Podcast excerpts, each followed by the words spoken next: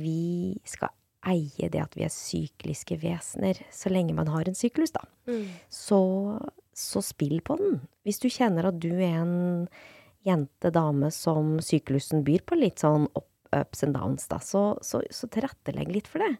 Legg gjerne eh, trening, aktiviteter ikke sant? Vit at ok, men denne delen av syklusen så er jeg litt mer seig, trenger litt mer hvile, trenger mer rolig aktivitet. Vet at sant?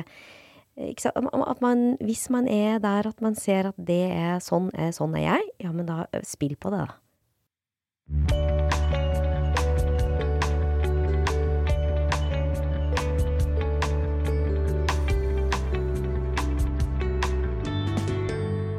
Hjertelig velkommen til podkasten Leger om livet. Mitt navn er Anette, og jeg jobber som lege.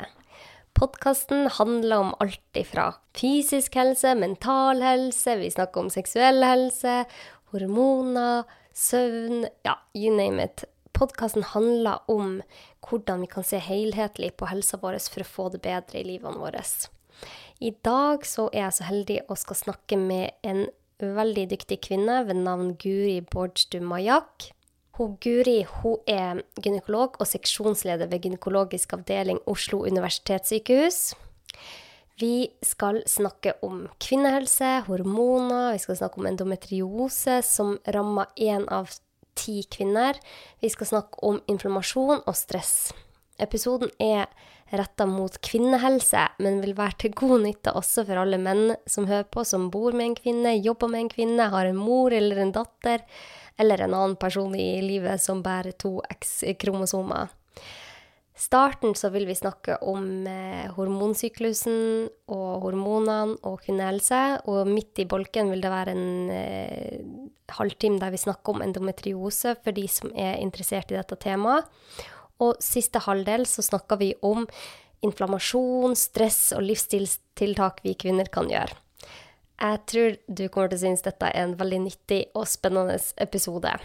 Men før vi setter over episoden, så vil jeg gjerne bare benytte anledningen til å takke alle dere som abonnerer på podkasten. Det betyr uendelig mye for at jeg skal få denne podkasten til å gå rundt. Så tusen takk til dere som. Man kan abonnere på både Apple Podkast og på hjemmesida mi. Jeg legger også ut bonusepisoder der. Det ligger en episode om ernæring med hun, Mari Kolby. Det ligger en episode om HRV med lege Torkil Færø, og en om sex og seksualliv med familieterapeut Lauren Silberman.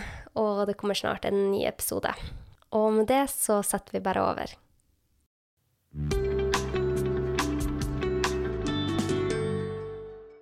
Guri, jeg er så glad for at jeg får muligheten til å dele kunnskapen din i denne podkasten. Du er jo spesialist i fødselshjelp og kvinnesykdommer, og overlege og seksjonsleder ved gynekologisk avdeling Oslo universitetssykehus. Ja.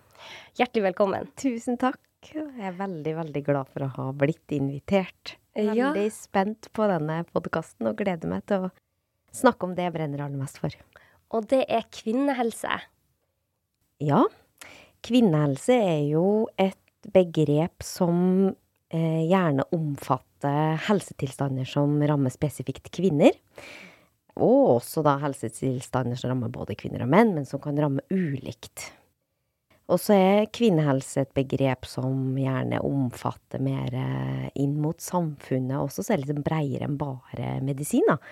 Som går på arbeidsforhold, sykefravær, ikke sant. Hele, hele bildet. Så ja, jeg brenner for kvinnehelse i det at jeg vil si at jeg heier på, engasjerer meg i eh, og ser behovet for at kvinnehelse løftes fram. Men i hverdagen min så er jeg jo en sånn gynekolog på gulvet som, Ja. eh, som eh, stort sett, det vil jeg si, ser at kvinnehelse er folkehelse. Um, det var et sitat jeg leste en gang som uh, sa I came for the sex, but stayed for the science. Og det er litt sånn sant, fordi for meg så er det jo kvinner vi skal snakke om i dag. Og kvinner som er mine pasienter, og det er deres helsetilstand som engasjerer meg ekstremt. Men dette er pasienter, og dette er kunnskapshull som jeg tror, om det er kvinner eller menn, alle leger går og føler på når de møter pasienter som eh, har tilstander som ikke blir møtt på en ålreit måte, hvor man ikke har nok kunnskap, hvor det ikke produseres nok forskning, så føler man veldig sterkt på at det er noe som mangler. Mm. så for meg er det nok mer der det ligger, da. Dette er folkehelse. Det er kvin kvinner faller ut av arbeidslivet i større grad enn menn. Og det som rammer kvinner, rammer jo gjerne deres utdanning, deres familieliv, deres sosiale liv, arbeidsliv, og i sin helhet så blir det en veldig stor folkehelsebyrde. Mm. Mm. Absolutt. Og i går så jeg sa til deg før vi begynte å spille inn, at jeg, satte meg inn litt i statistikken. Hvor mange som sliter med kvinnehelse, forskjellige diagnoser innenfor denne store paraplyen. Og eh, i hvert fall tall fra USA viser at 10 eh, har endometriose-diagnosen. 5-10 opplever PCOS, Mm. polycystic ovarian eh, syndrome. Én av seks kvinner vil ta kontakt med legen sin pga. infertilitetsvansker. Halvparten av alle kvinner over 60 vil gå gjennom en hysterektomi. Mm. 30 millioner amerikanske kvinner lider, lider av hypotyroidisme, altså lavt stoffskifte, og det påvirker jo ikke bare metabolismen og vekta, det påvirker jo også hormonene til de kvinnene det angår. Og så ser vi jo at jenter får menstruasjon tidligere og tidligere, Mm. statistisk sett. Det er ganske alvorlige tall. Mm. Det er, det er enormt mange som sliter med hormonene sine, eller noe som har med sin eh, Mm. mm, ja, kvinnehelse, da. Og dette er jo et tema jeg føler er kjempeviktig å snakke om. For vi snakker egentlig veldig lite om det. Hvorfor? Jeg føler at det er litt sånn tabubelagt. Ja, enig. Det er et eller annet skamfullt, kanskje. Jeg tror, i hvert fall sånn som jeg opplever, nå har jeg barn i sånn ungdomsalder sjøl, da. Mm. Og har snakka litt eh, i forsamlinger med ungdom. Og jeg håper og tror at ungdom i dag har en litt mer friere måte å snakke om kropp på. Håper jeg. Bra. Eh, Men med en gang ting ikke helt normalt Hvis du føler at du er litt annerledes, Mm. om det er det ene eller det andre, men la oss si at det nå dreier seg om mens, eh, smerter eller hormonelle endringer som du føler på som ikke venninnene dine har, eller som du ikke har hørt om at noen har, så blir det fort veldig skambelagt. Mm. Og så tror jeg også at eh, For jeg tror at mye av dette oppstår jo for mange i veldig ung alder. Mm. Og vi er veldig formbare. Vi vet at hjernen er veldig mottagelig for hvilke tilbakemeldinger du får fra de du møter. Når du spiller ut et innspill, så får du en eller annen reaksjon, og så former du deg litt etter det. Mm. Så hvis du går og oppsøker hjelp hos helsepersonell, om det er helsesykepleier på skolen eller fastlegen, og får en eh, følelse av at det du kommer med, ikke blir tatt på alvor, eller at det er noe du innbiller deg, Mm. Eller at det er noe du burde ha takla bedre fordi det er bare sånn det skal være, så tror jeg at eh, det gjør noe med din oppfatning av deg sjøl, av kroppen din, og så gjør det noe med, med eh, hvor lett blir det da å ta kontakt igjen når problemet vedvarer eller forsterkes, eller ja. Mm. Så jeg tror vi har en, vi har en utfordring i å snakke høyt om hva som er normalt. Når er det ikke normalt? Slik at ungdom vet nøyaktig når de skal ta kontakt. Det skal være godt utdanna helsepersonell som de skal møte når de tar kontakt, sånn at Mm. de får god informasjon. Og så håper jeg og tror at eh, det vil gjøre at denne liksom skammen blir liksom borte, da. Eh, vi har jo et begrep som heter medisinsk gaslighting, Mm. Som har blitt løfta fram særlig mye i forbindelse med menstruasjonssmerter og endometriose, adenomyose, som vi skal snakke sikkert litt mer om. Mm. Og det med gaslighting, det dreier seg jo i denne sammenhengen mye om at man som helsepersonell eh, tillegger pasientens symptomer mer psykosomatisk årsak. Mm. Men uten at man går videre med utredning eller behandling av den da psykiske Mm. årsaken som man, eh, som man på en måte sier er forklaringen, da. Um, så hvis man er en jente som, eh, som har menstruasjonssmerter som gjør at man er borte fra skolen, blir møtt med 'men har du det bra på skolen'? Trives du egentlig? Mm. Er det egentlig det at du ikke har det, har det fint sosialt som gjør at du nå er borte fra skolen, og det er ikke disse smertene, ikke sant. Så, så man skal som fastlege og som helsesykepleier og alle de som møter i første linje unge jenter med plager, de må jo søke bredt, selvfølgelig. Og jeg tror alle er egentlig opptatt av å ivareta pasientenes aller beste.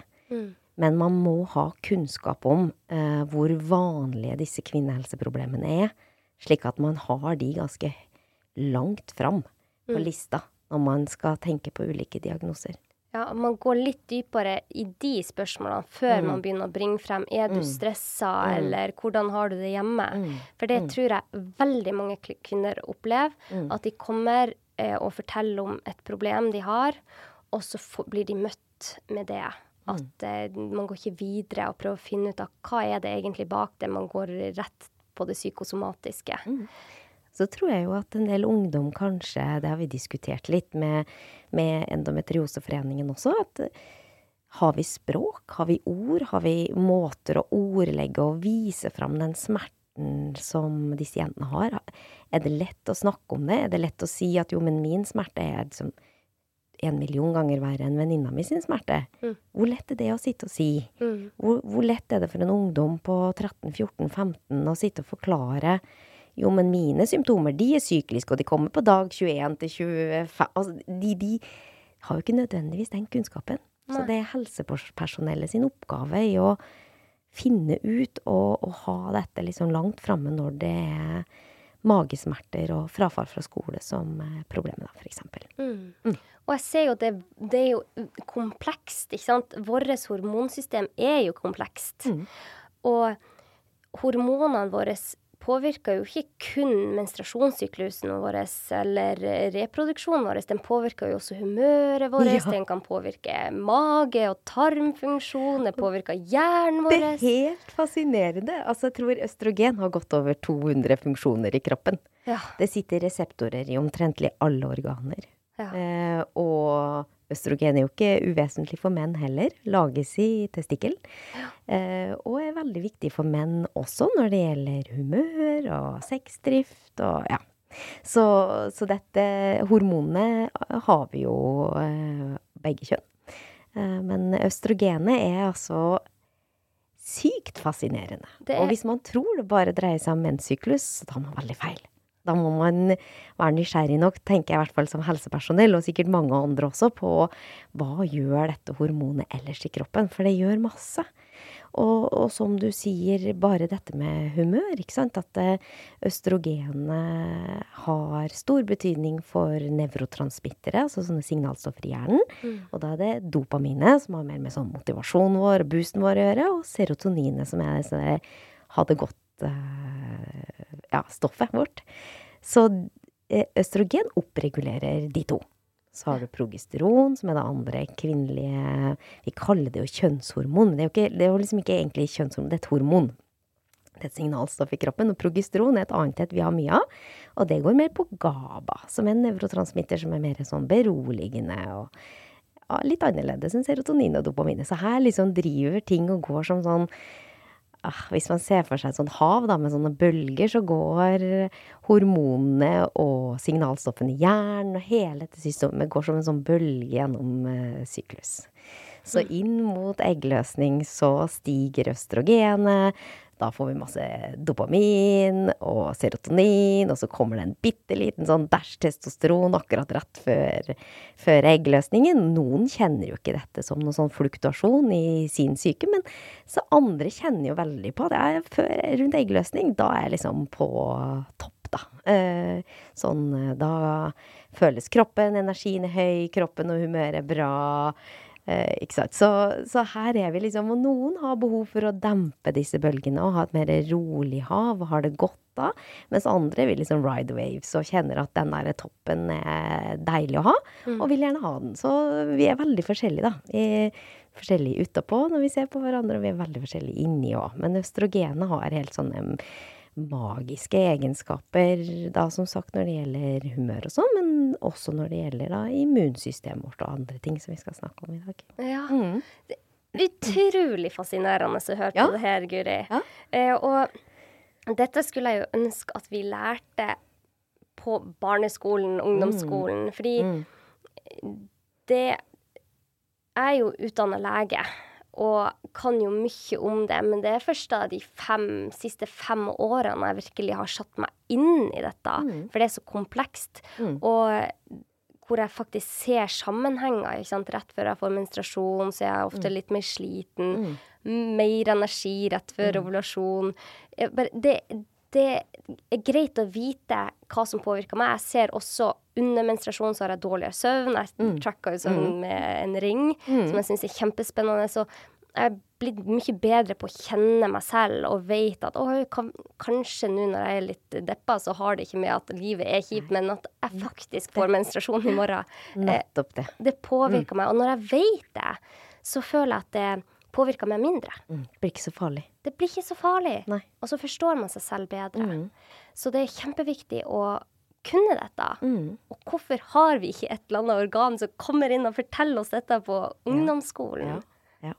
Det, Jeg drømmer om en, Jeg drømmer om, hvert fall, også hvis jeg ser på ungdommen i dag, da, la oss si at man hadde hatt en uh, god app, da, som gjorde at man kunne, kunne plotte inn ting og følge syklusen sin litt, for de fleste skriver kanskje ikke dagbok lenger i dag, men at man har en måte å i hvert fall så oppfordrer jeg alle, altså er det null problem, så er det null problem, men med en gang man begynner å kjenne at humøret svinger veldig, eller at man har perioder hvor man er mer nedfor, eller at man har problemer med smerter, at man har en måte å knytte det litt opp mot syklusen, så man ser om det er et system. Og hvis det er et system, som sagt, som du sier, særlig det med humør, da, i hvert fall hvis det ikke er alvorlige humørendringer, så kan man på en måte roe seg med når jeg er der. mm, Og så tror jeg at vi skal eie det at vi er sykliske vesener, så lenge man har en syklus, da. mm, Så, så spill på den. Hvis du kjenner at du er en jente, dame, som syklusen byr på litt sånn up,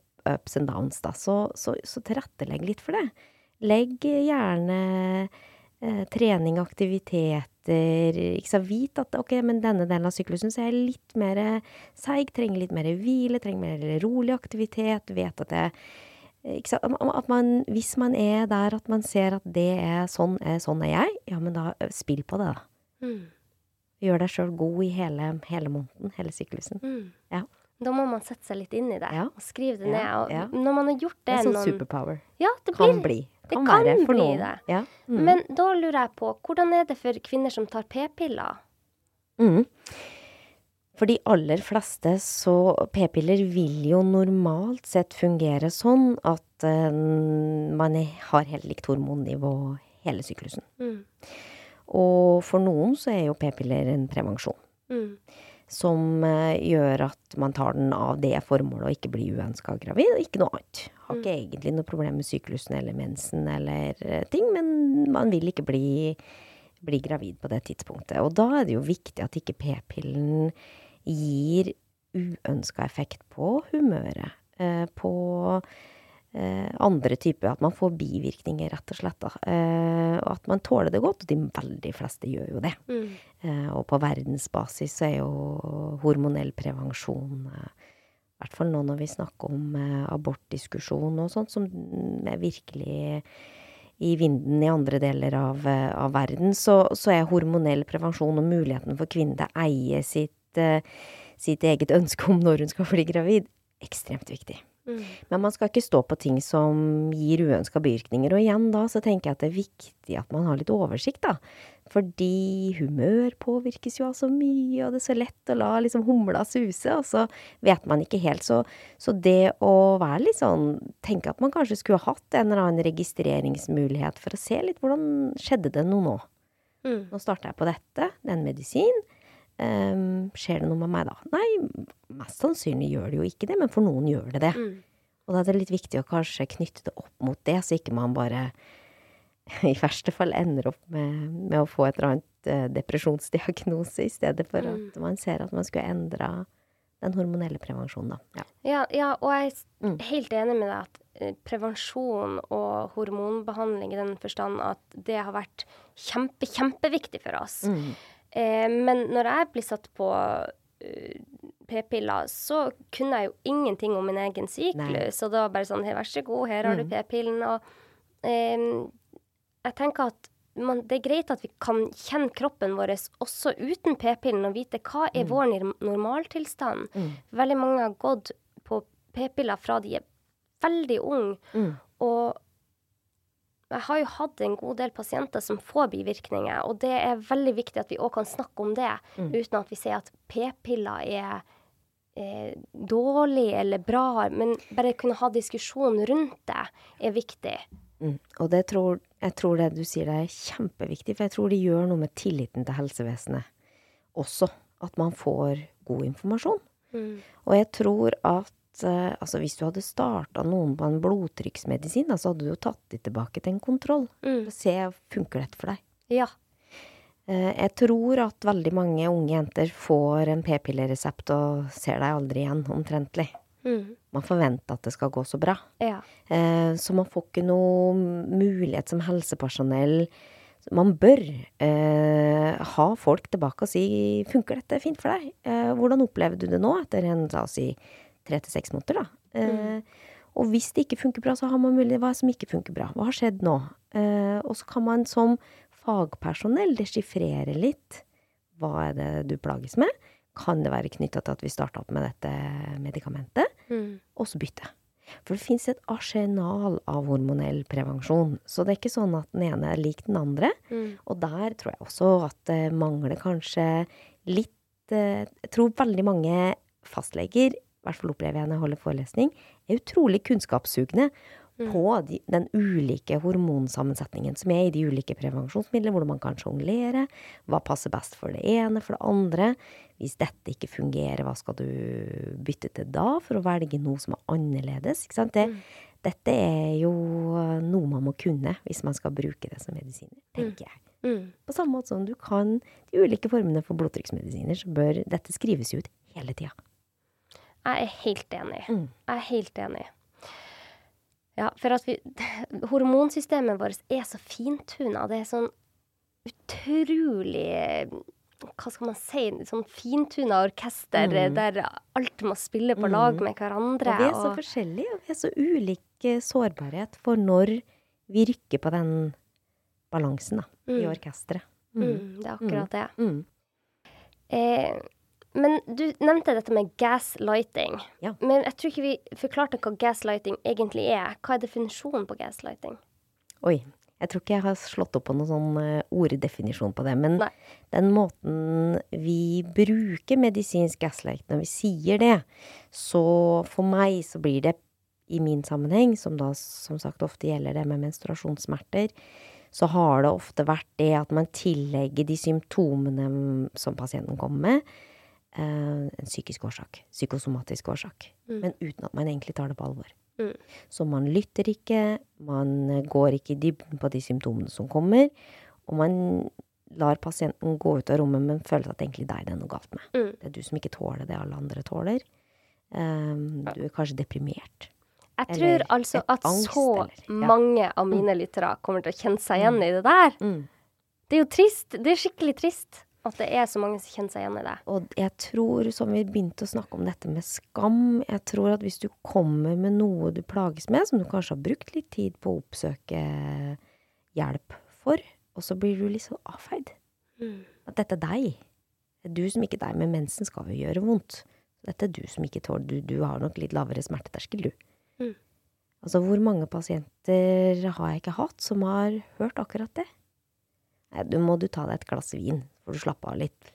Altså, Mm. det, det, det er så mange rare utsagn eh, som er brukt for å normalisere noe som har gjort at denne dama tar, søker hjelp. Mm. Man kommer av en grunn. Kommer ikke fordi man elsker å gå på fastlegekontoret. Nettopp. Og ikke veldig mange elsker å bli sjekka gynekologisk. Nei. Sånn er det jo bare. Mm. Så eh, når man tar seg tid til å gjøre det, så er det jo sannsynligvis for at du har tenkt over det, Mm. ofte i måneder eller år. Ja. Men eh, det har jo vært et skjevt bilde her med tanke på forskninga. Mm. Vi har jo forska veldig mye på generell helse, og eh, mannlige delen av eh, forskninga er jo eh, kanskje litt eh, høyere prioritert, har vært. Men det skjer jo et skifte nå. Det blir jo mer forskning på kvinnehelse, blir det ikke det? vet ikke. Um, I 1997 så satte det som var Hva, hva het det da? Helse- og sosialdepartementet het det vel da. De satte ned eh, et utvalg eh, som skulle lage en sånn NOU, Norsk offentlig utredning på kvinnehelse. 1997. Mm. 1999 så kom den rapporten, eh, som jeg Den var veldig god. Og den pekte på ekstreme mangler når det gjaldt bl.a. forskning på kvinnehelse. Mm. Um, og var veldig sånn entydig i sin konklusjon den gangen. Så fulgte det vel egentlig ikke noe særlige midler med. Mm. Ok, så spoler vi fram til 2021. Helse- og omsorgsdepartementet ber om en ny norsk offentlig utredning eh, på kvinnehelse. Og i den forbindelse så gjør FHI for et oppdrag da, i å kikke på hva vi har av systematiske oversikter på kvinnehelse. Mm. Og da med kvinnehelse så mener man da sant, helsetilstander som rammer bare kvinner, og helsetilstander som man tenker seg kan ramme ulikt kvinner og menn. Mm. Og det er jo depressive tall. For det har jo egentlig ikke endra seg. Har det ikke det? Nei.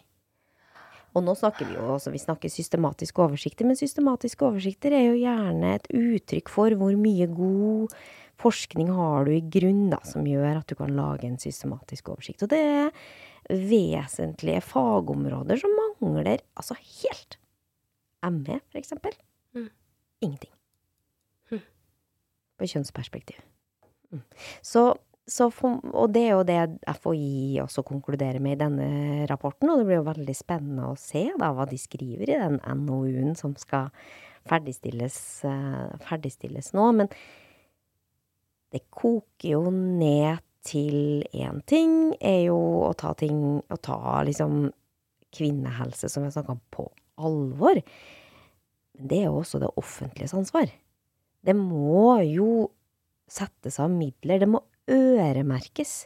Forskningsrådet hadde en kjempefin kronikk i Aftenposten her, tror det var i vår, hvor de skrev at jo, hvorfor ikke øremerke mer til kvinnehelse? Av forskningsmidler, da. Mm. Eh, og noen spesifikke tilstander særskilt, sånn som f.eks. endometriose. Og jeg har vært inne og sett på Forskningsrådets utlysninger i etterkant av det, og senest nå, og det har fortsatt ikke kommet noe. Så, men man, man må inn med politisk styrte midler for å få gjort noe med dette. Mm.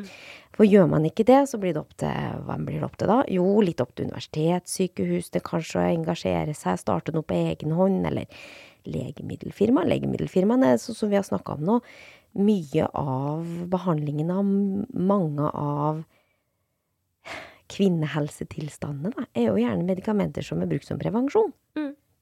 Ingen som tjener noe på at man vet noe mer om det i forhold til endometriose eller PMS eller PSOS. Altså, medisinene er jo der. Mm. De selges jo i stor skala fra før. De tjener jo ikke noe.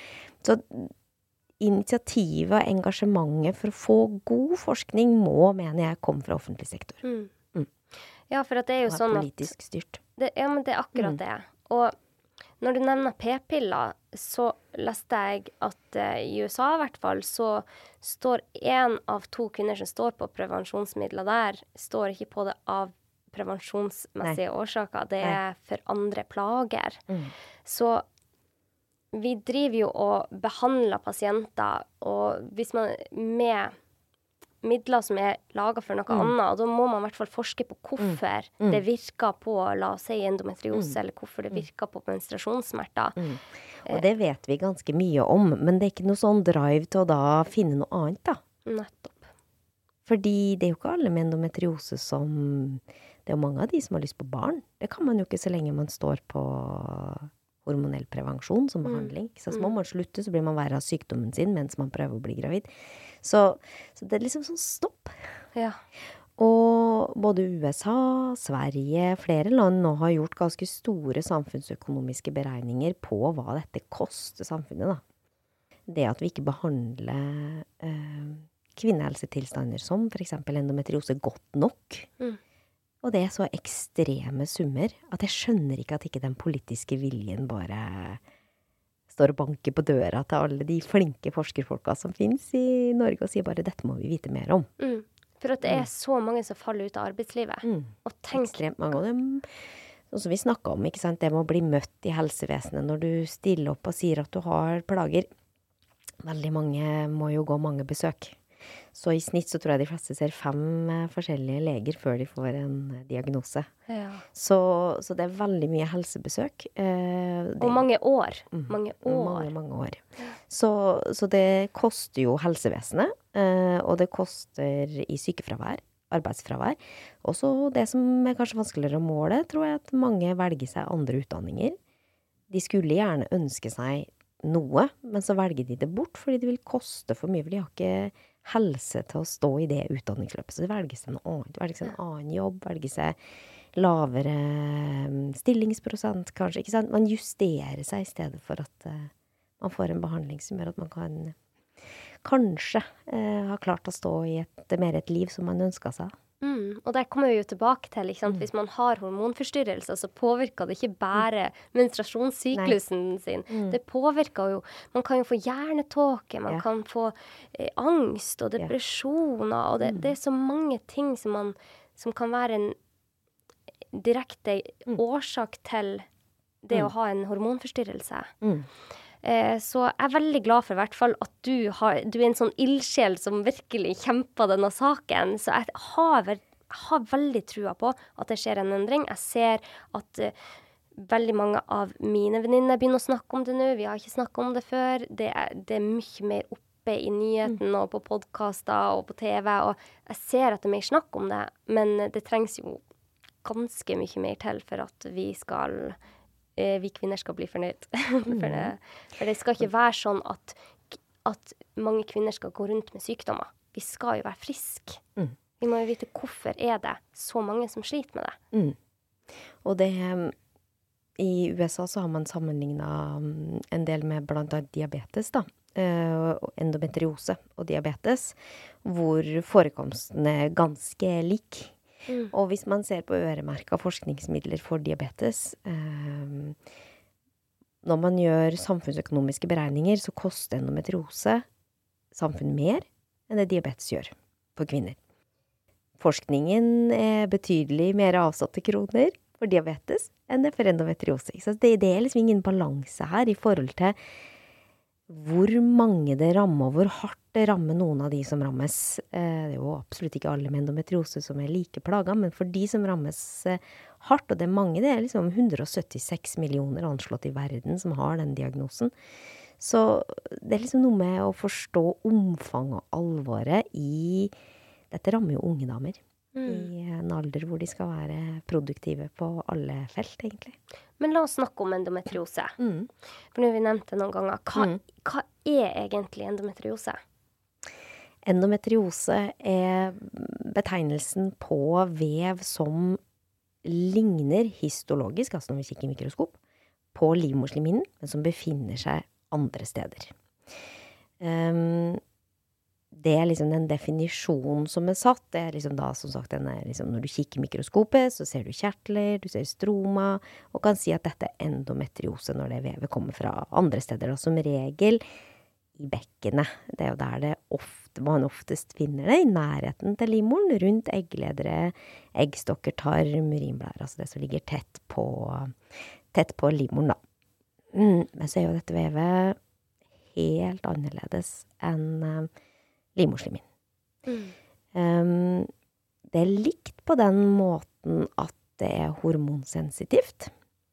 Men det er altså noen genetiske endringer i dette vevet som gjør at det oppfører seg helt annerledes. Oppfører seg mye mer likt kreft. Uh, uten at det er ondarta, men det har den og, lik overlevelsesegenskap som kreft, da. Det vil si at det skaper seg blodsirkulasjon. Det um, Østrogen er jo sånn som vi har snakka om, er jo et sånn um, veksthormon da, som gjør at livmorslimhinnen i utgangspunktet blomstrer og blir sånn fluffy og deilig for egget å feste seg i. Eh, og østrogen er det som endometriosen eh, vokser på også. Så det endometriosevevet gjør, er jo at det oppregulerer østrogenreseptorer i, eh, i vevet sitt. Mm. Mm, Blant annet. Progesteron er da motsatsen. Det er det som demper eh, veksten av denne slimhinnen. Så de reseptorene, de nedreguleres, selvfølgelig. Ja. Så oppregulerer østrogen. Østrogen har to typer reseptorer. Det er veldig sånn detaljert, men det er en A og en B. Og den A-en, den demper inflammasjon og betennelse. B-en øker inflammasjon, og det er B-en som skal opp i dette vevet. Så det er reseptor B som eh, oppreguleres. Skapes masse inflammasjon.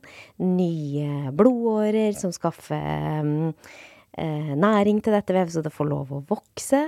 Og så lager det nye nerver.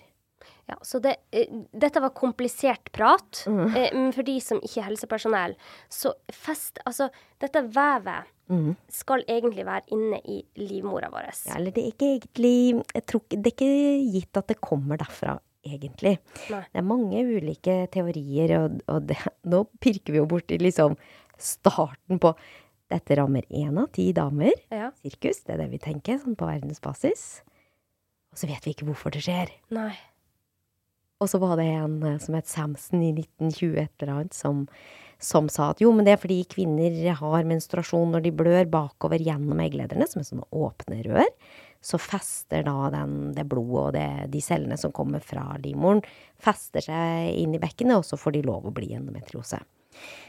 Den teorien har fått lov å stå i da 100 år. Det var det 1923 han publiserte. Eh, den er jo ikke på langt nær adekvat å forklare hvorfor noen får eh, endometriose. Mye mer komplekst enn det, da. Eh, men dette vevet, det for å si det enkelt, det er vev som ikke hører hjemme inn der hvor det sitter. For de fleste så er det da nede i bekkenet. Det hører ikke hjemme der. Det skaper en voldsom betennelsesreaksjon. Mm. Og sammenvoksninger. Og mye smerte. Mye smerte. Mm, og det er inflammasjonen rundt dette fremmedvevet som eh, selvfølgelig altså, Bekkenet vårt har et helt sånn fantastisk nervenettverk. Ja. Helt fantastisk nervenettverk som ligger rundt tarmen og blæra og livmoren. Um, og inflammasjonen i seg sjøl vil jo påvirke de sensoriske nervene vi har i bekkenet, og gjøre at man føler vondt. Um, men i tillegg så lager da dette endometriosevevet eget nervevev også. Mm. Så det, det har helt sånn Jeg tror at hvis man har en oppfatning om at endometriose er menssmerter, tar man veldig feil. Mm. Endometriose er en kronisk inflammatorisk tilstand som har potensial for å påvirke store deler av kroppen. Dette, dette er kvinner som du sier også har fatigue, økt risiko for depresjon, økt risiko for eh, en del autoimmune sykdommer. De har mye mage-tarm-plager. Så det er mye annet som er knytta til denne sykdommen som ikke dreier seg om menssmerter. Mm. Det kan være det som gjør at det for noen er vanskelig å, å skjønne at det er det det dreier seg om når pasienten først søker hjelp på. Fordi eh, noen kommer kanskje med magesmerter, oppblåsthet, kvalme. eh, og får gjerne kanskje en irritabel tarmdiagnose, eller ikke sant. Så det, for noen så er symptomene litt mer vage. For mange er det jo syklusrelatert, fordi det er en østrogen Eller den sykdommen varierer veldig på hormoner, da, og særlig at det blomstrer veldig på østrogen. Så hva er typiske symptomer de kommer til deg med? Mange har eh, Når de kommer til oss, så har det jo gjerne vært mange runder. Altså vi, jeg jobber jo på sykehuset, eh, og da har det jo gjerne vært noen runder i forkant eh, hos andre. Mm. Men det er hovedsakelig en smertesykdom, dette. Mm. smerter ved mens, smerter ved samleie, smerter ved vannlating, smerter med avføring. I tillegg til Og da snakker vi ekstreme smerter for noen. Mm. Vi snakker smerter som gjør at du ikke kommer deg på jobb, ikke kommer deg på skole, Mm. ikke klarer å fungere i hverdagen i familien din. Øh, Og selvfølgelig da ledsagende symptomer som mage-tarmplager, fatigue, utmattelse, Mm. depresjon. Ja, og så er det jo, siden du sier at det er jo mange symptomer, det kan være diffust. Mm. Det kan være vanskelig for personen å forklare hvor det kommer ifra, for det er så mange steder de kan ha vondt. Og, um, og jeg leste en studie som viste at én av tre kvinner som får endometriose, har blitt fortalt at smertene deres er normale Mm. i forkant av diagnosen. Mm. Og at det tar ganske mange år. Hvor mange Mm. år er det før plagene begynner, før de får diagnosen? Det var mange år, altså. Mange år. Og det er ganske likt, egentlig, i hele verden. Så det er ikke sånn at vi i Norge er noe dårligere enn resten av verden, Nei, men vi er jo alle dårlige, da. Um, så det tar jo gjerne en seks-syv år ja, før fra du har symptomer, og så søker du hjelp, og så tar det det tar gjerne kanskje et år, har man sett i en norsk studie, som begynner å bli noen år gammel. Og så tar det gjerne en fem år fra du søkte hjelp første gang, til du får diagnosen. Mm. Og det For noen så er det jo sånn at når du søker hjelp, så får du en behandling, og så funker den behandlingen, og så får du aldri en diagnose, fordi diagnosen er avhengig av en operasjon. Så det er ikke sånn at eh, alle går rundt i, i uten, uten adekvat hjelp, da, men mange gjør det, altså. Mange Mm. gjør det. Mange får typisk da, som du sa, hormonell behandling, og egentlig ingen oppfølging. Ingen sjekk på funka dette nå. Eh, er det sånn at vi skal ha, henvise deg videre? Hvordan er fraværet ditt? Hvordan er og Med fravær så mener jeg ikke bare fravær fra jobb, men det, det, disse jentene blir jo fraværende fra livet, liksom. Mm. Absentisme er liksom et begrep som går igjen i litteraturen, som er veldig godt i De blir fraværende fra sosiale relasjoner, parrelasjoner, familie, liv, utdanning, arbeid. Alt. Er det økende problem?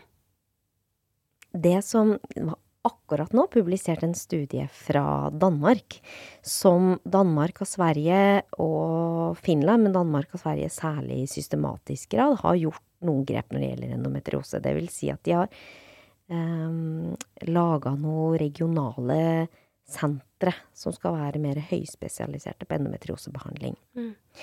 Uh, og i Danmark nå så har de gjort en studie som ser på om det er regionale forskjeller i eh, sannsynligheten for at du får diagnosen. Mm. La oss si at vi vet at én av ti har dette. Mm. Uh, hvor mange er det da som faktisk får diagnosen på et sykehus? Og nå snakker vi jo både diagnose ved at man kikker på det i mikroskop, men at man har fått det på sykehuset, har fått denne diagnosen. Og der, hvis vi sier at det er 10 da, som har sykdommen, så ligger vi nå på 1,6% som får eh, diagnosen. Oi. Og den er også da ulike i ulike regioner. Så nå har de bare gjort en sånn oversiktsstudie, de i Danmark, men de antyder jo at dette med å opprette spesialiserte sentre for endometriose er med på å fremme kunnskap og kompetanse, for de ser en endring da etter 2000 hvor dette ble innført i Danmark. Mm. Og i Norge så står vi jo fortsatt og hamrer på døra til Helse- og omsorgsdepartementet og sier at vi må ha noe av det samme. Mm. Det er for, for stor sannsynlighet for at kvinner i Norge får ulik behandling. Ja. Sitter du her eller sitter du der, så blir du møtt ulikt. Mm. Og sånn skal det jo ikke være. Men hva er behandlinga til endometriose? Vi um, per i dag retter oss hovedsakelig mot to ting. Smertelindring og kirurgi. Eh, og smertelindring går på eh, Og det var sånn viktig at vi snakka om i starten, det med hormonelle prevensjonsmidler som ble brukt på, diagno på diagnoser, da, på sykdom, som sykdomsbehandling. Fordi vi vil jo gjerne dette østrogenet til livs, da. Eh, fordi vi vet at endometriosen trives på det. Så mange opplever god smertelindring på hormonell regulering. Mm. Så det er eh, en behandling som ikke kurerer sykdommen, eller eh, nødvendigvis gjør at den ikke progredierer heller, det vet vi jo ikke helt, men det er en smertelindring. Men forklar hvordan det gjør det. Mm. Det vi gjør da, er at vi ønsker å få mye progesteronlignende effekt. For du sa at det det demper liksom veksten. Mm. Mm. Uh, og så er det sånn med p-piller, som har da etynylestradiol, som har da det som ligner på østrogenet vårt i seg, det gjør at det er lett å unngå hormonsvingninger og blødninger. Så p-piller eh, har østrogen i seg, selv om vi vet at eh, endometriosen også kan vokse på det. Men den relative mengden progesteronlignende hormon, da, gestagen, er større. mm. Så det er den effekten vi vil ha. Så man kan enten gi rene gestagener, altså progesteronlignende hormoner, som minipille, spiral, p-stav, Eller man kan gi kombinasjonspreparater, da, som, som p-piller, p-ring, p-plaster. Men noe av hovedpoenget er å unngå så mye svingninger som mulig. Så de aller, aller fleste har veldig godt av å gå på kontinuerlig bruk av veldig korte og veldig få blødningsepisoder. Mm. Og så er det jo sånn, da, med denne, med denne øh, dette endometriosevevet, som jeg sa, som driver og styrer og lever virkelig sitt eget liv, det nedregulerer de progesteronreseptorene for noen. Så hvis man som doktor eller helsepersonell opplever at jo, vi starta jo med denne eh, minipillen eller eh, p-sprøyta eller p-staven, og det funka, og nå funker det ikke lenger. Det betyr jo ikke at uh, sykdommen At det ikke var riktig sykdom man behandla, men det er gjerne vevet som kan ha endra seg, sånn at det ikke lenger er mottagelig for progesteron på samme måte. Mm. Eller progesteronlignende stoff, da. Mm. Så, så endometriosevevet kan lage sitt eget østrogen for å fòre seg sjøl, og det kan dempe progesteronreseptorene sine for å liksom unngå å bli dempa. Så det, det er et helt vanvittig vev, egentlig. Fascinerende på en smertefull måte. Ja, virkelig. Mm. Så det med p-piller, det er en symptomlindring. Ja. Det er jo ikke en Behan ikke, tar ikke behandling sånn sett, nei. Nei. Mm. Og så er det operasjon. Mm. Så det er de to Mm. eh, behandlingene. Mm. Og operasjon er at man på en måte får bort dette ekstra vevet, men Mm. det kan ofte komme tilbake. Mm. Og der er det jo òg, tror jeg, mye kunnskap som bør komme nå ganske snart i forhold til hvordan man opererer, eh, og hvor nøye man er på å få med seg alt.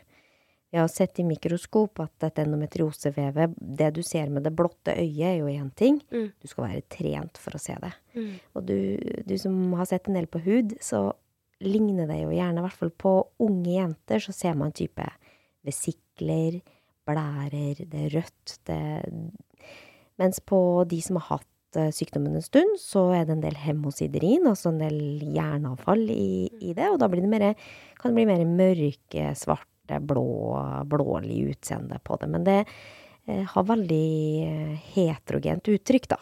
Både i forhold til alder og generelt, så man må være ekstremt trent for å klare å se det. Mm. Og vi vet at det strekker seg celler i en ganske god margin utafor det man ser med det blotte øyet også. Så man må ta litt som i kreft, at man må ta med litt eh, brem, da, hvis man Mm. skal tenke at man skal få med seg alt. Ja. Og noe av på en måte det teoretiske rasjonale bak å fjerne vevet i seg sjøl, er jo at det som sagt lager mye inflammasjon i seg sjøl. Og det lager også nye nerver, sånn at hvis man kommer til sånn at man kan få tatt det bort, så vil man kanskje stoppe akkurat den progresjonen. Mm. For det er jo det som er så viktig å få frem, at mm, mange når de får den diagnosen, blir livredd, for de tenker at dette bare kommer til å fortsette å bli verre og verre. Men for mange så er det jo ikke sånn. Nei, og det er en ekstremt heterogen sykdom, så, og, så det er jo viktig, tenker jeg, at man eh, gjerne starter ut med symptomlindring. Mm. Eh, ser hvor godt får man regulert eh, det da, eh, og har, har kvinnen det bra da, så fine. Mm. Men har hun det ikke bra, så skal man ganske raskt liksom videre i systemet. Sånn at man møter noen som kan denne sykdommen, kan diagnostisere den mer nøyaktig og vet litt mer om hvordan, hva er neste skritt på veien nå. Mm. Og endometriose, jeg tror jo også at vi etter hvert vil snakke om litt sånn ulike, ulike fenotyper. Altså den har i hvert fall tre helt distinkt forskjellige varianter, og der er det jo snakk om at vevet har sånn ulikt genetisk uttrykk, da. Eh, De som har dyp endometriose, det vil si endometriose som vokser seg inni tarmen, inni blæra, inni nerve, nervene våre, det er én type endometriose. Den som vokser i eggstokken og lager store, blodfylte syster, det er én type. Og den som sitter på bukhinna, den huden som vi har inni magen vår, og som ikke blir dyp, men som sitter der som en sånn betennelses... Eh, overfladisk betennelsesvev, det er en annen type. Mm. Antageligvis. Og da tenker jeg, det du sier, sant, det er jo en betennelsestilstand. En inflammatorisk sykdom. Det er en inflammatorisk sykdom, og um, du sier jo at det er linka til andre autoimmune sykdommer, eller at det er større sannsynlighet for at du får andre autoimmune sykdommer. Uh, det er linka til uh, mage-tarm-problemer. Og det jeg tenker er viktig da, og vi vet ikke hva som kan hjelpe, men når vi vet at betennelse er en del av bildet, så det å leve i Gjøre noen livsstilstiltak som kanskje kan dempe inflammasjonen i kroppen, vil jo i hvert fall ikke skade. Mm. Hva tenker du om dette, Guri? Mm. Jeg er helt enig. Og, og håpe at eh, det kan oppleves sånn at man tar sykdommen veldig på alvor, selv om man snakker om enkle tiltak. Ja. For det er, ikke, det er ikke snakk om å kurere noe, men det er snakk om å symptomlindre og dempe. Mm. Og så er jo endometriose til sammenligning med andre inflammatoriske sykdommer også veldig hormondrevet, så det er ganske komplekst. Men um, Og jeg har vært veldig sånn ehm, De pasientene som kommer til oss, de har gått, som du sier, en lang vei. Det har tatt mange år. Veldig mange har opplevd at de i en lang periode kanskje ikke har blitt trodd, ikke har blitt hørt, ikke har blitt sett for de plagene og det de står i hverdagen sin. Veldig mange biter tenna så ekstremt sammen så lenge. Så jeg har også vært litt sånn eh, Tenkt mye på hvordan man skal formidle livsstilstiltak uten å føle at man legger mer over på pasienten, hvis du Mm. Dette er ikke en klassisk livsstilssykdom som er knytta opp mot uh, overvekt og eh, fysisk aktivitet. Mm. Eh, det, det, det, det er ikke den. Dette, dette er en inflammatorisk sykdom. Som når man ser på fysisk aktivitet, ser at det gjerne er litt sånn todelt. Noen opplever symptomlindring ved fysisk aktivitet, andre ikke. Mm. Andre blir verre, får mer vondt, blir mer slitne. Må, eh, men det med mikrobiomet eh, vårt og tarmfunksjon Nesten alle med endometriose, når du spør, har tarmplager. Mage-tarmplager. Mm. Og jeg tenker at det der er Altså, nå har det vært mye fokus på tarmen, da. eh, Og mikrobiomet vårt i det siste, og hva har vi ikke liksom fått av ny kunnskap nettopp på grunn av det? Men vi kvinner, vi har mikrobiom eh, andre steder òg. I Mm. vagina, Mm. og antageligvis også i livmoren vår. Så mikrobiomet vårt er jo til stede også i nærheten av der hvor eh, endometriosen sitter Mm. tarmen vår, den um, har jo da, som du har snakka mye på podkasten din, ekstremt mange bakterier. Og noen av disse er i stand til å De kalles liksom estrobolom. Et sånt pussig ord. Men de er i stand til, når østrogen har vært gjennom kroppen, så kommer det ned via gallen og ned i tarmen. Og da er det eh, konjugert. Så da har det en sånn binding på seg. Ja, det er noe festa på. Ja, måte. ja. Mm. Og for at det skal være aktivt, det er veldig lite av østrogenet vårt i kroppen som egentlig er aktivt. Det er gjerne bundet til noe hele tida. Men for at det skal være aktivt, binde seg til reseptoren sin og utløse en genetisk respons som igjen ikke sant, trigger eh, en funksjon, så må det være dekonjugert. Mm. Og disse bakteriene Det betyr at måte at man fester av. Ja, ja man, man klikker av så det blir løst, sånn at det Mm. kan få lov å funke og feste seg på reseptoren sin. Og dette estrobolomet, da, eller noen av de bakteriene som finnes i tarmen, de har den evnen til å bare suge til seg det østrogenet som på egentlig vei ut. Ta det tilbake igjen. Dytte det inn igjen i kroppen, og så blir det en sånn loop. Mm. Og den loopen, eh, avhengig av hvordan eh, tarmbakteriesammensetningen eh, er, da, så vil man jo kunne tenke seg at det vil være mer østrogen som går tilbake. Så man får sånn hyperøstrogentilstand. Hurra, sier endometriosen da. Dette digger jeg. Mer østrogen, yes. Eller man kan få en hypoøstrogentilstand, som vil være eh, veldig lei, f.eks. etter overgangsalderen hvor man lager mindre østrogen på egen hånd. Og hvis det da i tillegg er mindre som sirkulerer tilbake og er aktivt, så vil man jo kanskje kjenne enda mer på det, der, på det lave østrogenet og hva det gjør med, med kroppen. Mm. Så at tarm, mm, og de bakteriene som er der, har noe med også vår østrogenbalanse å gjøre. Helt klart. Mm. Og så har man gjort eh, undersøkelser på mikrobiom i vagina og sett er det annerledes hos de som har endometriose. Og ja, det er det. Men så vet man jo liksom ikke helt, for man har bare Dette er liksom sånn uh, Tror jeg man bare pirker i overflaten foreløpig, hvor man Ja, er det starten på sykdommen som Er det liksom det at det er annerledes som gjør at sykdommen får lov å blomstre? Mm. Eller er det inflammasjon og sykdommen i seg sjøl som igjen gjør at eh, Mm. mikrobioma Så hva som er hva, og hva som, eh, hvilken vei pilen går, Hva som kom først? ja, ja. Eh, det er man usikker på. Mm. Eh, Men når du sier det, og mikrobiomet er jo omtalt av mange forskere nå som et eget organ, Mhm, for det er så viktig for oss. Mm. Og når vi vet at veldig mange som sliter med endometriose, og mange andre kvinnesykdommer, eh, har problemer med mage-tarmsystemet sitt, så er det for meg veldig logisk at man òg skal ha fokus på det i denne behandlingsfasen. Mm. Hva Har du noen råd du gir dine pasienter? Mhm. Som sagt så er, så er jeg ganske sånn forsiktig fordi vi har lite studier som peker i den og den retningen når det gjelder kosthold. For det er forska altfor lite på. Det er det. Og da blir jeg også litt sånn forsiktig. Eh, Mm. men det er klart at det er mange av mine pasienter som har helt reelle symptomer som ligner på irritabel tarm. Mm.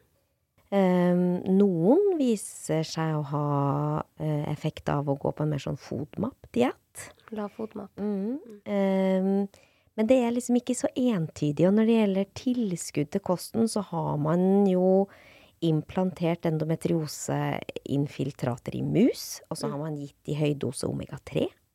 Eh, I forhold til at det er inflammasjonsdempende å gjøre balansen mer i omega-3 versus omega-6-retningen. Mm. Eh, Og sett at det reduserer da størrelsen på endometrioseinfiltratet på mus. Mm. Men man har ikke klart å vise det når man gir det til mennesket. Mm. Og det samme gjelder um, gurkemeie, reservatroll Så det er en del sånne uh, kosttilskudd som, som også har vært interessante, og hvor man har sett på mus at eh, det man teoretisk vet kan være inflammasjonsdempende. Mm. Men så er det det å overføre det til menneskekroppen, da, og som sagt inflammasjonsdriverne i endometriose er gjerne litt, litt mer sammensatt. Mm. I og med at det også er um, hormonelt betinga og driver litt sin egen verden, det, det vevet. Og at det er veldig også en nevrogen inflammasjon. da. Mm. Så det, det, det Jeg tror at eh, det viktigste er for alle pasienter som griper etter litt sånn halmstrå, hva kan få meg litt bedre? Mm. Det jeg pleier å si, i hvert fall, er at eh, det vil jo ikke kurere deg. men Det vil kanskje løfte hverdagen din litt. Mm. Men før dagbok over de symptomene du gjerne vil ha bedring på. Mm. Sånn at når du innfører noe, så følger du med, Mm. og så slutter du hvis ikke det funker. Mm. Sånn at man ikke driver med masse forskjellig og bruker kanskje mye penger også ikke sant, på en del ting som ikke funker. Ja. Så man må, må være nøye med å evaluere sjøl. Ja, og, Mm. og en så kompleks tilstand vil sannsynligvis ikke bli bedre eller bra på én ting. Ikke sant? Ta Nei, én tablett det. for det. nettopp det. Fordi man har jo vist, ikke sant, at eh, mikrobiom i tarm, da, som, eh, som man nå har mange gode analysemetoder på, at eh, bakteriediversiteten, eller mangfoldet for bakterier, er jo annerledes. Det, det, det er mindre mangfold hos de som har endometriose. Mm. Men så vet man jo ikke Er det inflammasjon i endometriosen som gjør det, eller Mm. hva er som sagt høna og egget? Så man må um, Jeg håper at vi får mer svar. Ja, jeg håper, Håper at det er flere som blir nysgjerrige på, på akkurat dette. For Ja. det hadde vært eh, Som sagt, altså vi sitter egentlig og klør oss litt i hodet og vet jo ikke egentlig helt eh, hvorfor Sånn Vi har teorier på hvorfor noen får endometriose, men det er så mange ubesvarte Mm. spørsmål. det, det bare klør i fingrene Ja. mine nå, da, at det, når vi snakker om For det er en betennelsestilstand, og det er en diagnose som eh, forteller eh, forskjellige symptomer man har, og så blir den inn under denne diagnosen. Men i bunn og grunn så er dette en betennelses-, en inflammasjonstilstand. Mm. Og det å få ned inflammasjon i kroppen har, har jo blitt undersøkt og studert Mm. eh, mer og mer i det siste. Mm. Men det er få studier på endometriose og kost og, og sånne eh, Mm. eh, korrelasjoner. Men det man kan i hvert fall si, er at hvis man sliter med inflammasjon i kroppen generelt, Mm. og nå viste jo, jo at kanskje inflammasjon er årsaken til hjerte-karsykdom, til altså alt fra Mm. øyesykdommer til psoriasis. Altså det er så mange ting det er linka til. Mm. Eh, og det å prøve å få ned betennelsen generelt i kroppen vil i hvert fall tror jeg, og dette er med forbehold om at vi har for lite forskning, vil kunne kanskje ha effekt, og at man i hvert fall hvis man er motivert til å prøve det. Mm. Eh, middelhavskost har vist seg å kunne kanskje hos noen få ned informasjon. Em, det er ikke sånn der Du trenger ikke kjøpe sånne der, eh, Goji-bær fra Himalaya for å bli bedre. Det å gå tilbake til Mm. råvarer Blir de litt større kostholdsgrepa, tenker jeg også. Ikke Ja. den ene ikke en én liten substans som man legger til, men det Nei. blir litt større livsstilsgrepa som er antiinflamatorisk, da. Ja, nettopp. Mm. Også det med å, å prioritere søvna si. Mm. Og du sier det at noen blir bedre på trening, noen blir ikke. Mm. Det er veldig spennende dette med kortisol, Mm. eh, hvordan kortisol er forbundet til betennelse. For det man ser, er at hvis man går med lavgradig stress, altså at man har litt for høyt kortisolnivå, så kan det òg skape betennelse i kroppen. Mm. Og vi vet ikke hele årsaken bak, men kanskje hvis man trener for hardt, så tåler ikke én person det, for har allerede, hun har allerede for mye betennelse i kroppen. Mens for andre så kan det hjelpe. Man må prøve seg fram, for det er ingen fasit per nå. Du vet, eh, som vi har snakka om det med hormoner, det henger jo veldig sammen. Og, og kortisol lages jo ut fra samme base som progesteron. Nettopp. Så når man er stressa, så OK, da kjører kroppen den sløyfa. Da kjører kroppen binyrebarksløyfa med kortisol Mm. i stedet for å kjøre progesteronsløyfa. Mm. Så at stress påvirker også progesteron, eller kjønnshormonene i seg sjøl, selv, selvfølgelig, men det kalles liksom cortisol steel i, i, i litteraturen. Altså, det tar fra, tar fra kjønnshormonene. Mm. Sånn at eh, det påvirker jo både syklus og ja. Og det du sier der er så enormt viktig. For det du sier der er at vi har forskjellige byggeklosser for å bygge forskjellige hormoner, for å bygge forskjellige eh, substanser som vi trenger for å leve et godt og friskt liv. Og hvis man går og bruker veldig mye av disse byggeklossene til å produsere kortisol, la oss si at du går med altfor høyt stress, og du må skyte ut kortisol fra binyrene dine hele tida, så kan det hende at man da tar byggeklosser fra andre substanser. Altså at man ikke produserer, la oss si, nok progesteron. Eh, og dette er Og det går utover søvn, Ja. og det går utover um, syklusen og tykkelsen på livmorslimhinnen når du skal ha mens og ja. ja og dette, dette er så spennende, Guri. Det, det er så spennende. Det henger så veldig sammen. Så det, det å forenkle det altfor mye når man møter pasienter eller problemer som pasienter har, det tror jeg blir helt feil. Nettopp. Mm. Nettopp. Det er ikke sånn prøv dette kosttilskuddet, eller begynn med yoga. For det er ikke det, det er flere tiltak, men det jeg har i hvert fall sett hos mine pasienter som har hatt mange forskjellige typer lidelser, er at mange opplever bedring av forskjellige typer sykdommer med at de prøver seg fram og finner ut hva som gjør at de får det bra i livet sitt. Og da snakker jeg ofte om disse fem store, som jeg kaller det, og det er søvn, det er maten vi spiser, det er bevegelse. For noen så kan man ha intervalltrening, for noen så må man gå på noe roligere som yoga. Og så er det dette med ro, altså stressmestring. Og så det siste, men aller viktigste, relasjonene våre. Mm. For relasjonene våre er kjempeviktig. Det gjør oss mer robust mot sykdom. Jeg, jeg er jo sånn fan av å eh, når man ser Fordi man har jo stadig, stadig mer kunnskap om akkurat de tinga som du nevner nå. Det funker. Mm. Og så blir jeg liksom Hvorfor funker det? Mm. Og for eksempel eh, Nå har jeg jo engasjert meg mye i hvordan endometriose kan påvirke nervene våre. Da. Både det autonome nervesystemet og selvfølgelig sensoriske og motoriske nerver i bekkenet. Mm. Eh, men det autonome nervesystemet har fascinert meg veldig, og særlig det med da eh, vagusstimulering, altså det å kunne trekke pusten dypt og godt og regelmessig, som man ofte også fokuserer på i yoga. Og der um, Endometriosepasienter går jo selvfølgelig med mye stress og mye vondt. Eh, og det har man jo vist at den inflammasjonen de går med, den påvirker også hjernen og den grå substansen. Man klarer å vise signifikante forskjeller i grå masse på MR. Mm. Eh, og da dette som vi snakker om, sensitive sensitivisering, sentral sensitivisering av smerte. Man blir hypersensitiv, rett og slett. Mm. Men um, endometriosevevet lager eget nervevev. Så den lager, i tillegg til at den liksom driver og pirker og irriterer alle de sensoriske nervene som allerede er i bekkenet, så lager den sitt eget nervevev, og da lager den, viser det seg, i veldig høy grad sympatiske nerver.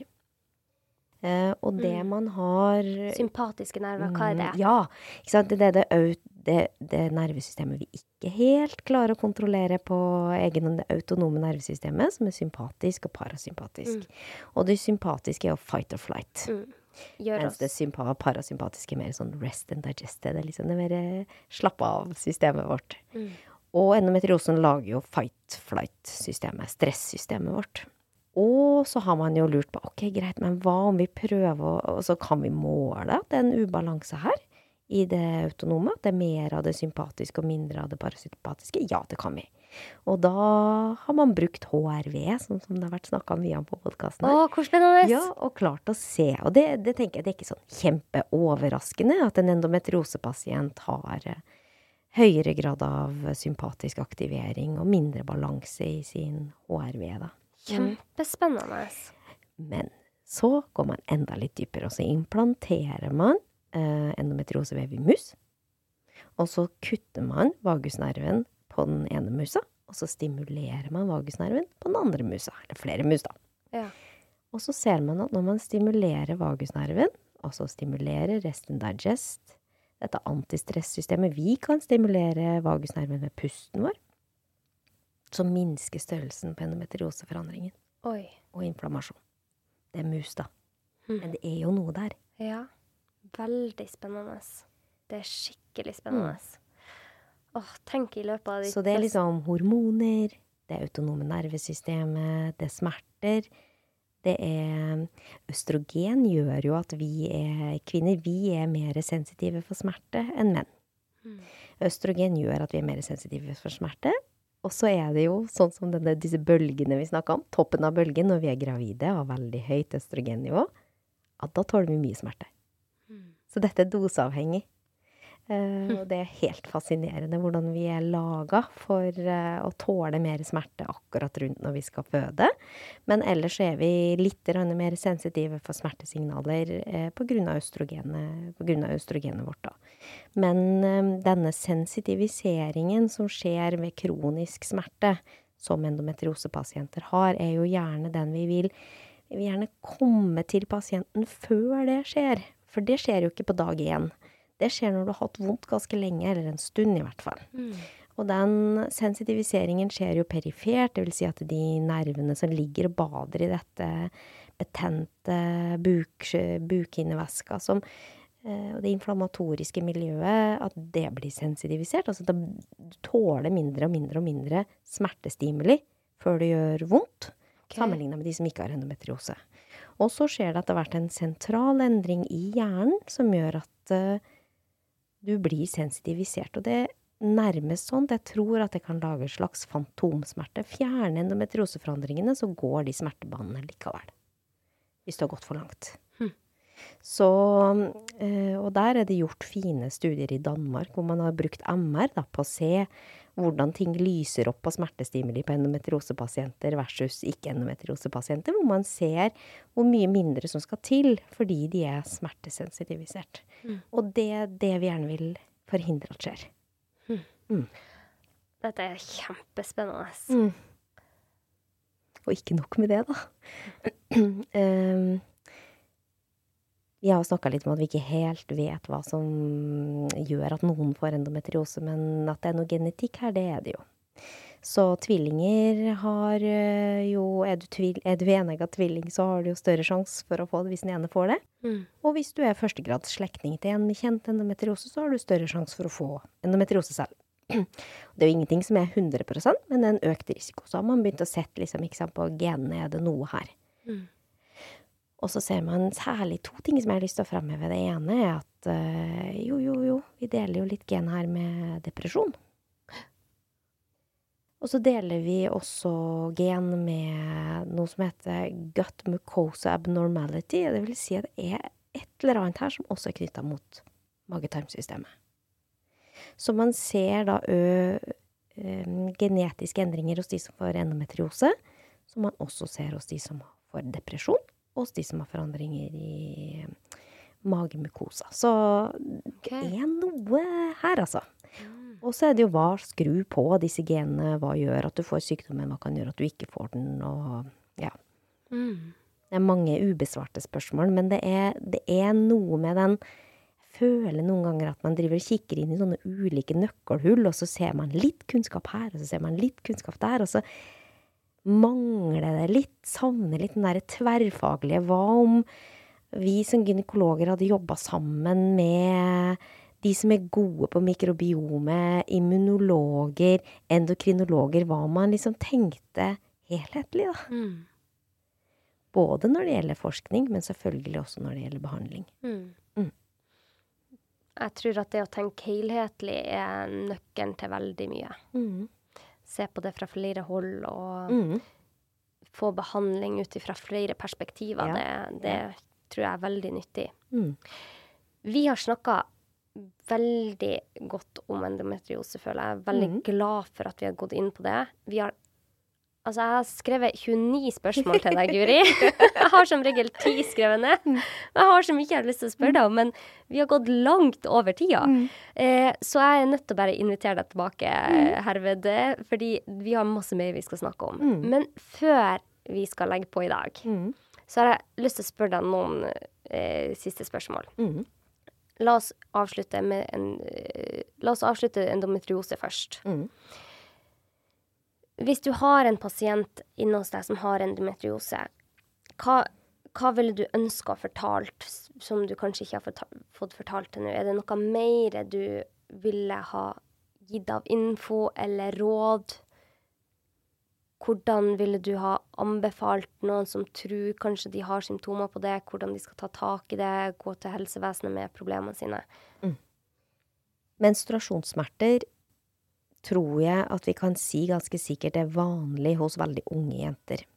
Mm. Så ubehag når man går fra å være en kropp som ligner på gutters kropp, mm. til å skulle få menstruasjon. Og så livmoren er en muskel, og den skal trekke seg sammen og få ut denne livmorslimhinnen.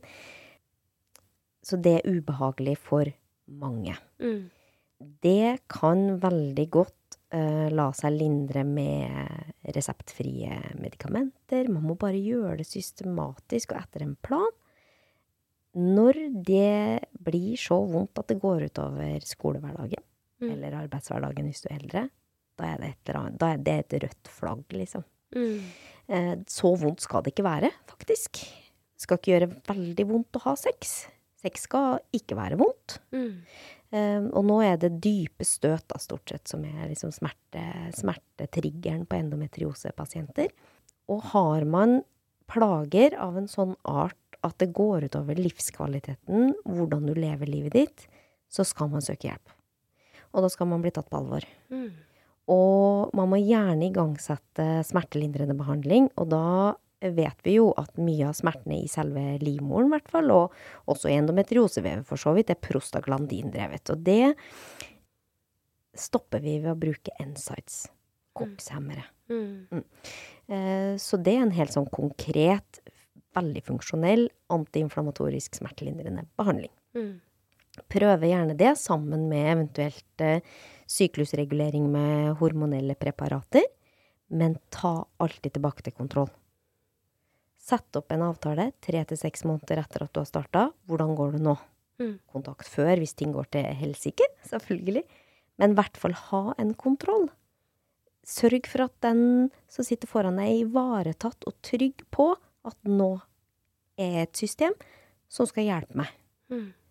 Jeg er ikke alene om dette, jeg må ikke drive og kjenne etter heller. Altså, nå, nå prøver vi noe. Nå ser vi hvordan dette funker, og så kommer jeg tilbake.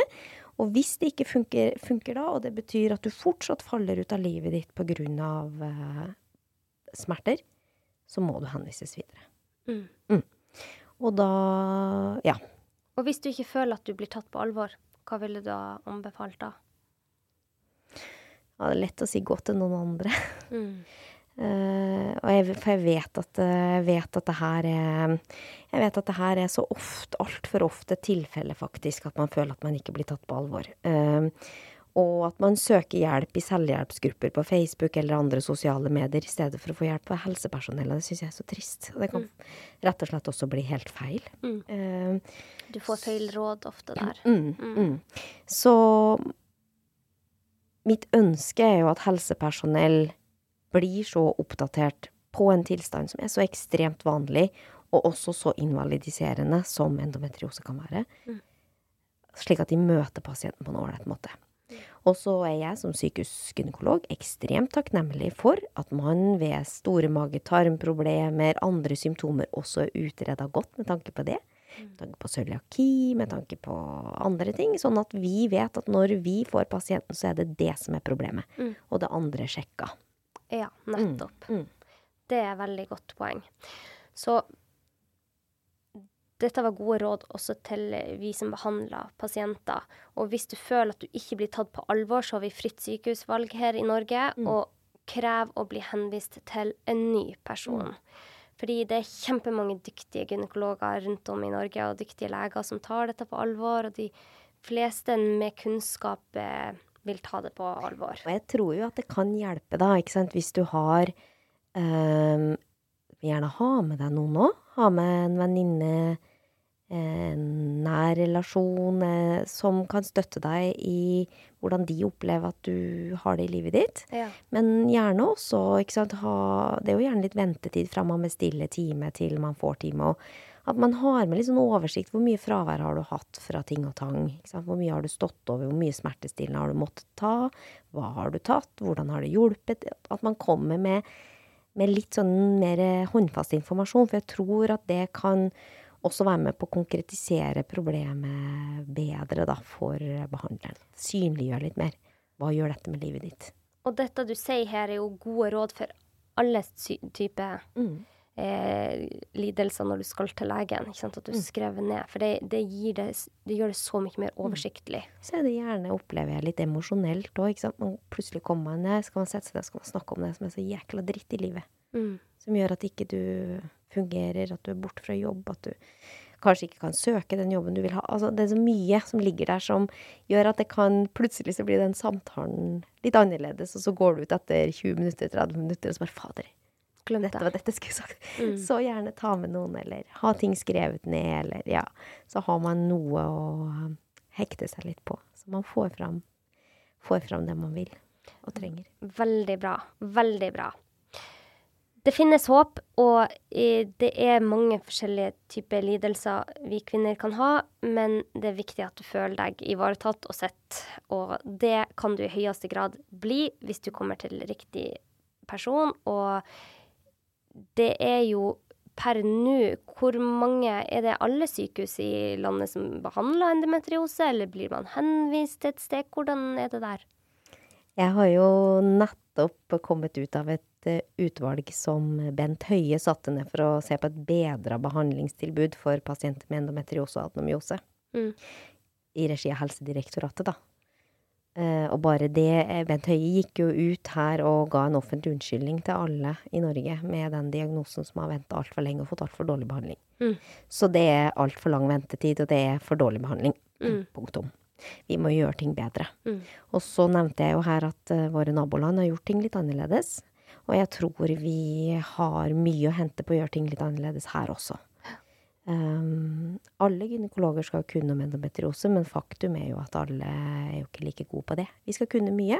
Ja. Noen er spesielt interessert i noe mer enn noe annet. Alle burde kunne mye om endometriose, for det er så vanlig, og det rammer så mange. Men det er ikke helt sånn det er. Mm. Så vi i det utvalget, vi ønsker oss jo en kompetansetjeneste. Nasjonal kompetansetjeneste på endometriose og adomyose. Som kan spre kunnskap ned i skolen, ut til fastlegene, ut til alle gynekologer. Og sørge for at det drives på med forskning eh, og kompetansespredning. Kunnskapsformidling. Både ut til befolkningen og til helsepersonellet, selvfølgelig særskilt. Og så ønsker vi oss en eh, sentralisering også. Alle skal kunne mye, disse pasientene overalt, men noen skal kunne veldig mye. Og dit skal de pasientene som ikke får god nok hjelp ellers, sendes. Dette, det blir, dette blir bra. Håper jeg. Dette Nå vi få ligger det hos Helse- og omsorgsdepartementet. Ja. Nå er det på deres bord. Ja. Eh, det er ropt så høyt. Og det er ikke bare kreft som kan, må tas på alvor, altså. Dette må tas på alvor. Mm. Mm. Ja, det er én av ti. Mm. Det Ja, OK. Eh, Vi har fått veldig mange gode råd og uh, god oversikt over endometriose og andre kvinnesykdommer, så vi vet at dette er vanlig.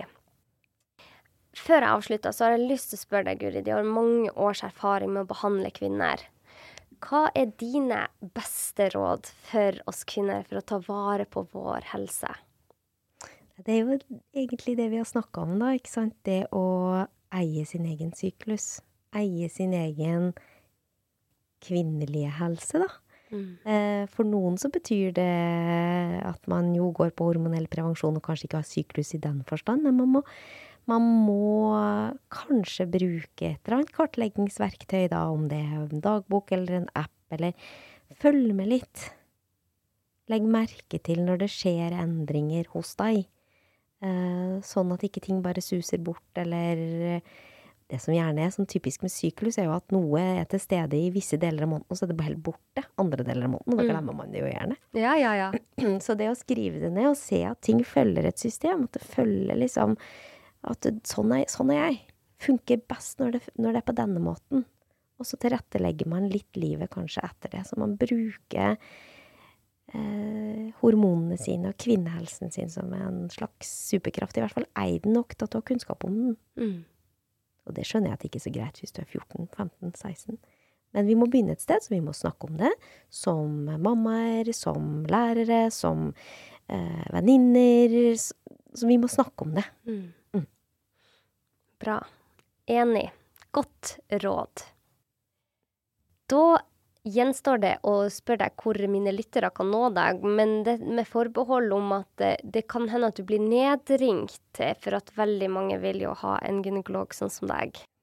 Så har du noen sosiale medier, eller er det et sted legene kan ta kontakt, de som hører på som er leger og helsepersonell? Jeg sitter jo ikke alene oppe på gynekologisk avdeling på, på Oslo universitetssykehus. Vi er jo mange veldig, veldig kompetente, flinke folk. Mm. Og vi er ikke bare flinke på endometriose, vi er flinke på veldig mye annet òg. Mm. Eh, og vi mottar daglig ekstremt mange henvisninger, men vi mottar også forespørsler. Så sitter du som lege et sted og egentlig tenker at du har lyst til å fikse ting sjøl, trenger litt råd, veiledning, eh, lurer på, så er det lov å sende, eh, sende dette som en forespørsel, så svarer vi. Det var godt å vite. Eh, for det vil vi gjerne. Mm. Heller det enn å sende pasienten fra Finnmark til oss for noe som vi kunne ha løst lokalt. Mm. Så, så um, vi håper Vi vil jo Alt er jo et ressursproblem i helsevesenet i dag. Mm. Mm. Men vi vil gjerne bistå både med, med foredrag, undervisning, men også som sagt de konkrete spørsmål. Vi har jo noen som går med en sånn vakttelefon hos oss hver dag, og har man mer øyeblikkelige ting som man trenger svar på, så svarer vi. Mm. Og hvis ikke, så kan man sende en forespørsel som en henvisning. Kjempebra. Mm. Det var eh, godt å vite. Eh, da sier jeg tusen takk til deg, Guri, som ble med i denne episoden. Det har vært en glede å snakke med deg. Takk skal du ha.